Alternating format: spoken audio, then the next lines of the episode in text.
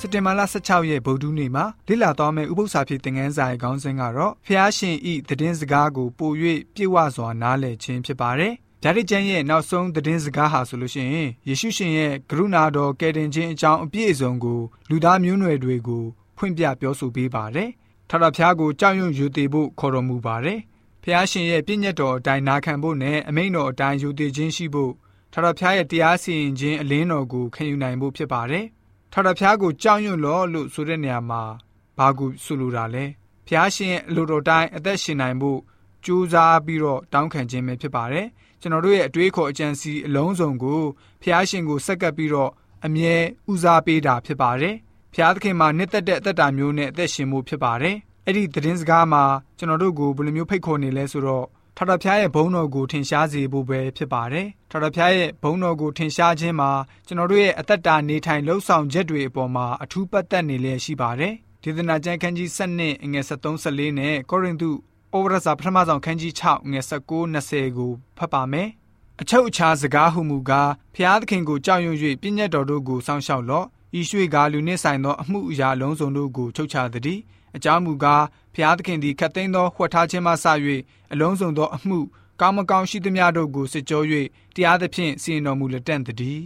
အဘယ်သို့နည်းတင်တို့ကိုခန္ဓာသည်ဖျားသခင်ပေးသနာတော်မူသောဝိညာဉ်တော်ဒီဟုသောတင်တို့အထဲ၌ကျင်းဝတ်၍တန်ရှင်းသောဝိညာဉ်တော်ဤဗိမှန်ဖြစ်ကြောင်းကို၎င်းမိမိတို့ကိုမိမိတို့မပိုင်ကြောင်းကို၎င်းမသိကြသလော တင်တို့သည်အဖိုးနှင့်ဝယ်ယူတော်မူသောသူဖြစ်သောကြောင့်ဖျားသခင်ပိုင်တော်မူသောတင်တို့ဤကိုခန္ဓာနှင့်စိတ်ဝိညာဉ်အားဖြင့်ဖျားသခင်ဤဂုဏ်တော်ကိုထင်ရှားစေကြလော့ဆိုပြီးတော့ဖော်ပြထားပါတယ်လူတွေရဲ့စိတ်နဲ့သဘောထားတွေပျက်စီးယွယွင်းလျက်ရှိတဲ့ခေတ်ကြီးမှာဆိုရင်လူတိုင်းမိမိကိုယ်ကိုယ်ကလွဲပြီးတော့ဘသူကမှအရေးဆိုင်ခြင်းမရှိကြပါဘူးအဲ့ဒီအကြောင်းကိုသတိပေးတဲ့နောက်ဆုံးအချိန်နိုင် တရားစီရင်ခြင်းသတင်းစကားကနေကျွန်တော်တို့ကိုသတိပေးထားပါတယ်ကျွန်တော်တို့ရဲ့အပြုအမူဟာအလွန်မှပင်အရေးကြီးပါတယ်ဖះရှင်ကိုယိုသေးလေးစားဖို့ဖះရဲ့စကားကိုနားထောင်ဖို့နဲ့တရားစီရင်ခြင်းတွေဟာဆိုလို့ရှိရင်ဆက်ဆက်နေလဲရှိပါတယ်နားထောင်လိုက်လျှောက်ခြင်းအသက်တာဟာယေရှုရှင်ရဲ့ကယ်တင်ခြင်းနဲ့ဆက်နွယ်နေပါတယ်ခရစ်တော်ရဲ့ဖြောင့်မတ်ခြင်းတစ်ခုတည်းသာလျှင်တရားစီရင်ခြင်းကိုကြော်ဖြတ်သွားနိုင်ဖို့လုံလောက်ပါတယ်ခရစ်တော်ရဲ့ဖြောင့်မတ်ခြင်းသာလျှင်ကျွန်တော်တို့ကိုလုံခြုံမှုဖြစ်စေပါတယ်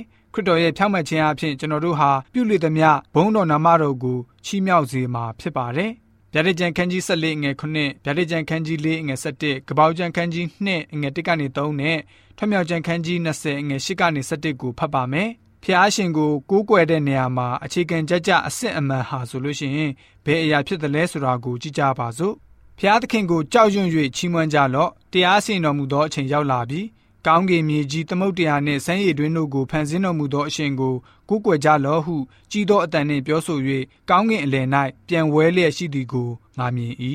အိုးထာတော်ဖျားကိုတော်သည်ခတ်သိမ်းသောຢာတို့ကိုဖန်ဆင်းတော်မူပြီးထိုຢာတို့သည်အလိုတော်ကြောင့်ဖြစ်၍ဖန်ဆင်းလျက်ရှိကြပါ၏ထို့ကြောင့်ကိုတော်သည်ဘုံတရေတကိုးတော်ကိုခံစားထိုက်တော်မူ၏ဟုလျှောက်ဆို၍ပလင်တော်ရှိ၌မိမိတို့တရဖူများကိုခြာထားကြ၏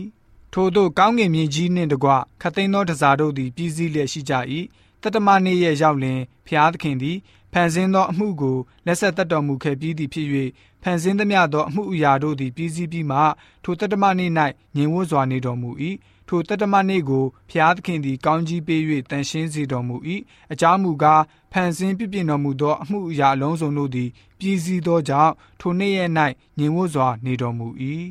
ဥပုံနေ့ကိုတန်ရှင်းစေခြင်းကထိုနေ့ရက်ကိုအောက်မေ့လော့၆ရက်ပတ်လုံးအလုပ်မျိုးကိုစူးစမ်း၍လှုပ်ဆောင်လော့တတမနေ့ရက်သည်တင်းဤဖျားသခင်ထော်တော်ဖျားဤဥပုံနေ့ဖြစ်၏ထိုနေ့၌တင်မဆ၍တင်းဤသားသမီးကျွံအောင်ကြားမိန်မှတရိษံတင်ဤတကားအတွင်း၌နေသောဧည့်သည်အာဂနုသည်အလုံးမလွတ်ရအကြောင်းမူကားထော်တော်ဖျားသည်မူကောင်းငင်မြေကြီးသမုတ်တရားအရေးရ၌ရှိသမျှတို့ကို၆ရက်တွင်ဖန်ဆင်း၍တတမနေ့ရက်၌ညင်မို့စွာနေတော်မူ၏ထို့ကြောင့်ထော်တော်ဖျားသည်တတမနေ့ရက်ကိုကောင်းကြီးပေး၍တန်ရှင်းစေတော်မူ၏ဆိုပြီးတော့ဖော်ပြထားပါတယ် စာတန်ဆိုလို့ရှိရင်အသေးအတန်ဥပုံနေကိုတိုက်ခတ်ရခြင်းကတော့ဥပုံနေရဆိုရင်ကိုးကွယ်မှုရဲ့နှလုံးသားဖြစ်တဲ့ဆိုတာကိုကောင်းစွာသိထားတဲ့အတွက်ကြောင့်ဖြစ်ပါတယ်။ဖျားရှင်ကိုဖန်ဆင်းရှင်အဖြစ်ဖော်ပြထားပြီးတော့အမျိုးသားအမျိုးသမီးအားလုံးကောင်းကင်နဲ့မြေကြီးကိုဖန်ဆင်းတော်မူတဲ့ဖန်ဆင်းရှင်ကိုကိုးကွယ်ဖို့ဖိတ်ခေါ်လျက်ရှိပါတယ်။ စင်ကဲစင်ကဲဖြစ်စဉ်အကြောင်းကိုသတိပေးထားပါတယ်။အရာခတ်သိန်းကိုဖန်ဆင်းတဲ့ယေရှုနဲ့ကျွန်တော်တို့ဟာဖျားရှင်မှာအမှန်တကယ်တန်မိုးရှိတဲ့အကြောင်းသိခွင့်ပေးတဲ့ယေရှုကိုကိုးကွယ်ဖို့ဖိတ်ခေါ်တော်မူပါတယ်။ဥပုဒ္ဒောနေ့ဟာ